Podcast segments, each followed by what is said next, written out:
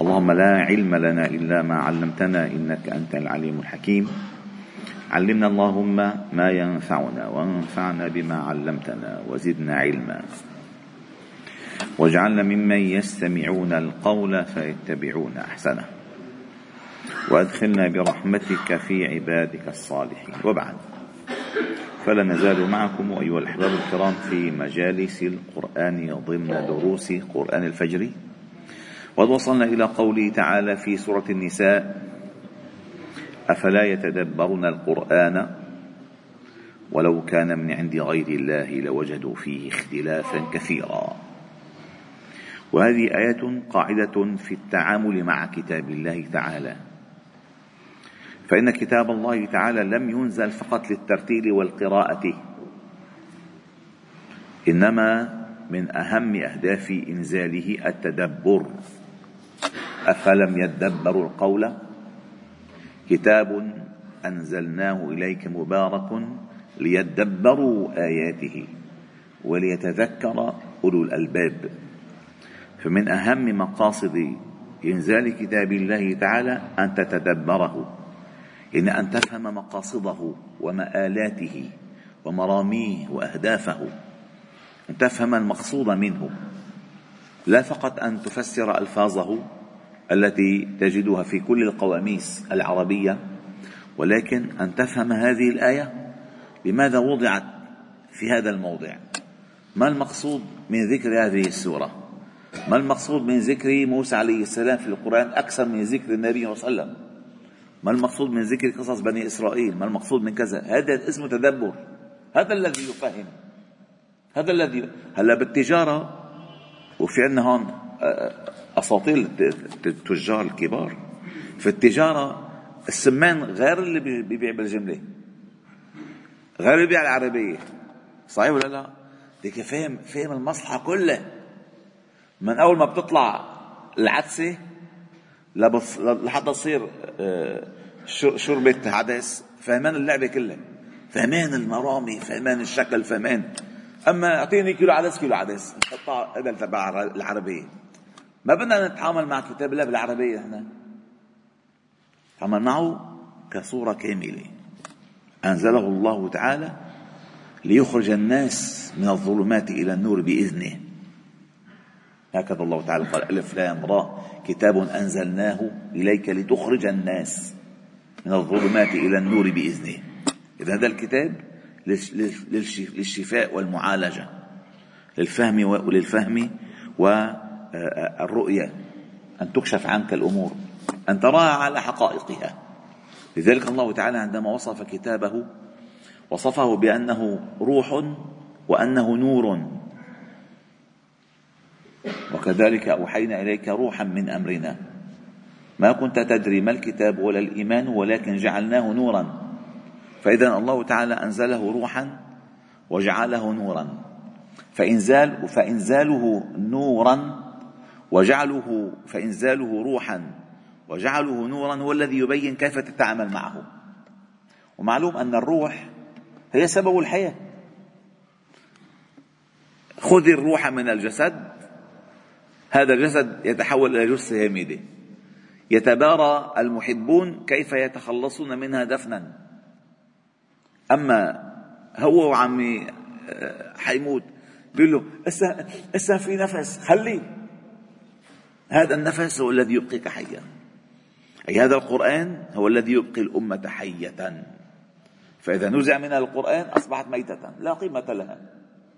فهي القرآن هو الكفيل أن يبث أشكال الحياة كلها في جسد الأمة إن عادوا إليه. في كل النواحي. وكذلك جعلناه نورا أي من خلاله أي من خلال هذا الكتاب الذي هو نور تتكشف لك الأمور أمامك. فإن من أهم فوائد النور أن تبصر الأمور أمامك. ليس هكذا فقط أن تبصرها بحقائقها وبأحجامها. الأشكال الضوء إذا الضوء بتعرف هذه الشغلة هون؟ هذا حجمها هذا بعدها هذه تعاملها ثم بعد ذلك من أهم مقاصد النور في كتاب الله تعالى وهذا ملحظ مهم مخفي أن النور في كتاب الله يعكس عليك الأمن الداخلي. بتقول لي كيف؟ هلا كيف؟ هلا مثلا أجأنا واحد جديد صلى الفجر معنا مثلا؟ ومنه عرف تضاريس الجامع. ماشي؟ انطفت الكهرباء. وما دار المولد. ولا ضوت الاشتراك. بده يطلع. كيف كيف يمشي؟ مرة بيضرب واحد مرة بيضرب بالحيط مرة بتفشكل بالصندوق. ليش؟ ما في ضوء. ما في ضوء. هو بيمشي خايف متى يتعسر أما لما معك النور الكاشف فتمشي وأنت مطمئن. تعرف. ولو أظلمت عليك الدنيا فإنك تعلم حفرها.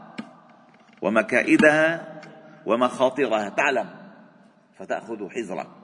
هذا النور يعطيك أمان النور أمان. فإذا الروح والنور من صفات الكتاب المبين. فإذا عندما تتدبر القرآن تتدبره لتحيا لينذر من كان حيا ويحق القول على الكافرين. فقال ولو كان من عند غير الله لوجدوا فيه اختلافا كثيرا. القرآن في قاعدة الأصوليين القرآن يتعاضد ولا يتعارض. يتعاضد يعني القرآن يفسر بعضه بعضا ولا ينقض بعضه بعضا.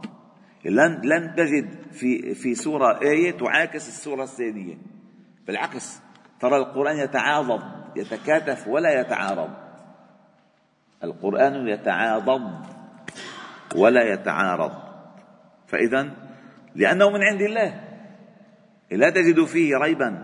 ذلك الكتاب لا ريب فيه. لا تجد فيه شكا.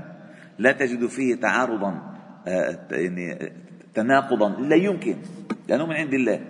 ولو كان من عند غير الله لوجدوا فيه اختلافا كثيرا. تناقضا كبيرا تنافرا تصادما. أما من عند الله كل كل آية أحكمت وضعا. أي هنا هنا موضعه. كل حكم في آية أحكم شرعه. هنا في هذا الموضع. لا يمكن أن تجد تناقضا. ثم الله تعالى قال وإذا جاءهم أمر من الأمن أو الخوف في أذاعوا به. ولو ردوه إلى الرسول وإلى أولي الأمر منهم لعلمه الذين يستنبطونه منهم. ولولا فضل الله عليكم ورحمته لاتبعتم الشيطان إلا قليلا. هذه الآية جديرة أن تعلم كل يوم. أن يستذكر ما فيها من المعاني كل ساعة لأن هي أصل تلقي الأخبار والتكلم بالأخبار. وخطورة تضخيم الخبر أو استهزاء بالخبر تضعيف الخبر. وهذه الآية مساقة على المنافقين. وإذا جاءهم أي المنافقون أي المنافقين وإذا جاءهم أمر من الأمن أو الخوف. الأمن ما يبعث السرور والأمان على الناس. هو ورد في سبب النزول أنه كانت إذا ذهبت سرية من السرايا تقاتل في سبيل الله فقبل أن تعود يبدأ المنافقون بالحديث عنها. وشو أحرزنا؟ عملنا بالكفار عجائب قطشنا رؤوسهم كلها وأخذنا غنائم ضخمة. شو كبروا الخبر المفرح.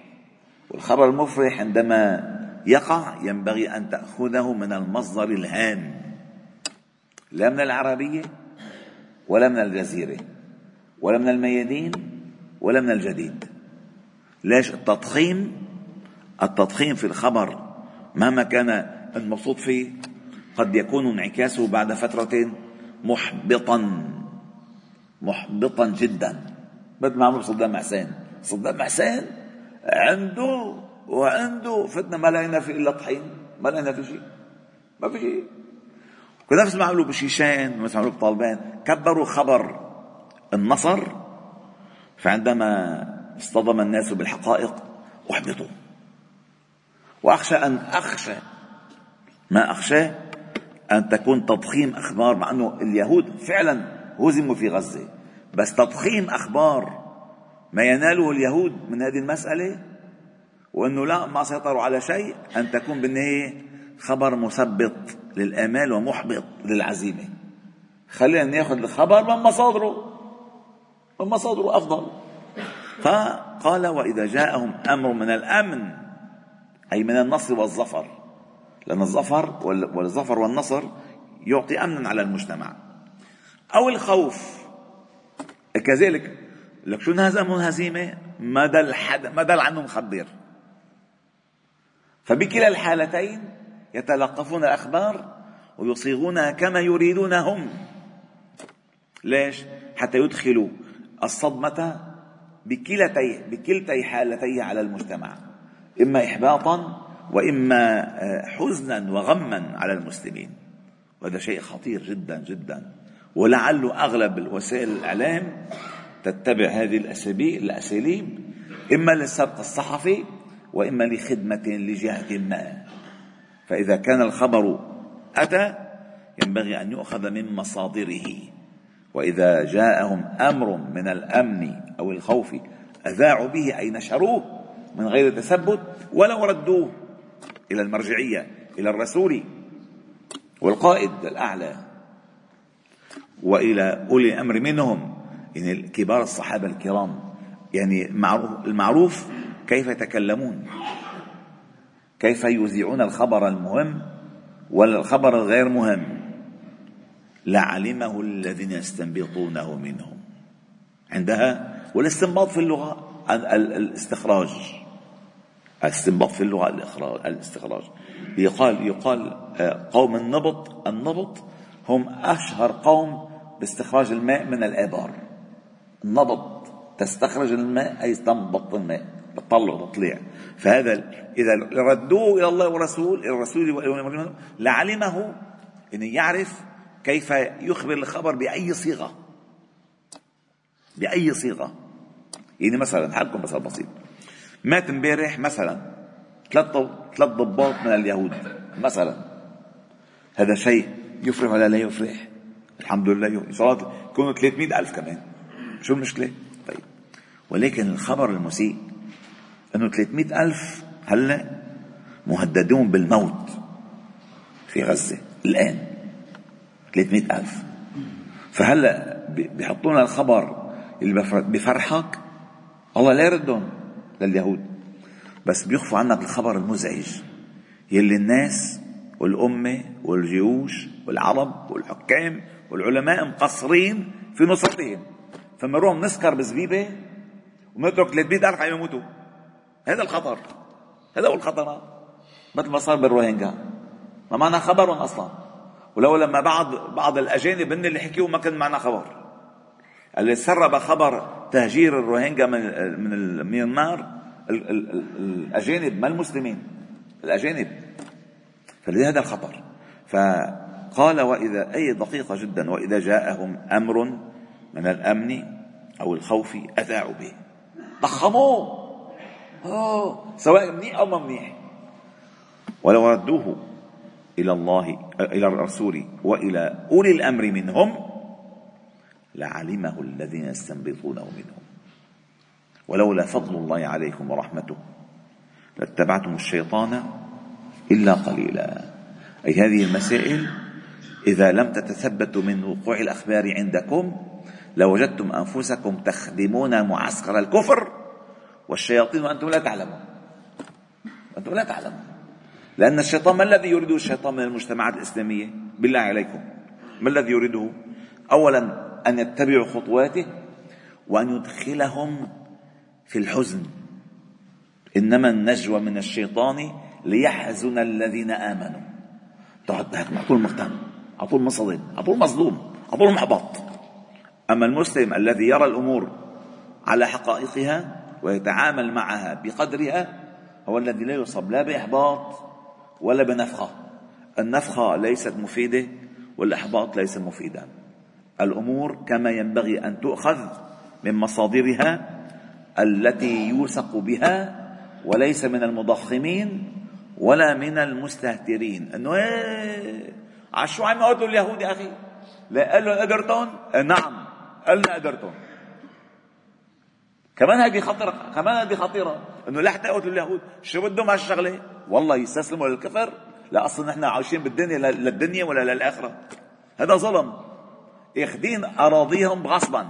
والمستوطنات اللي حولها كلها لهم. وعسقنا للمسلمين. بتقول لي ليش عملوا هيك؟ ليش عم نعمل ليش عم نعمل فيهم هيك؟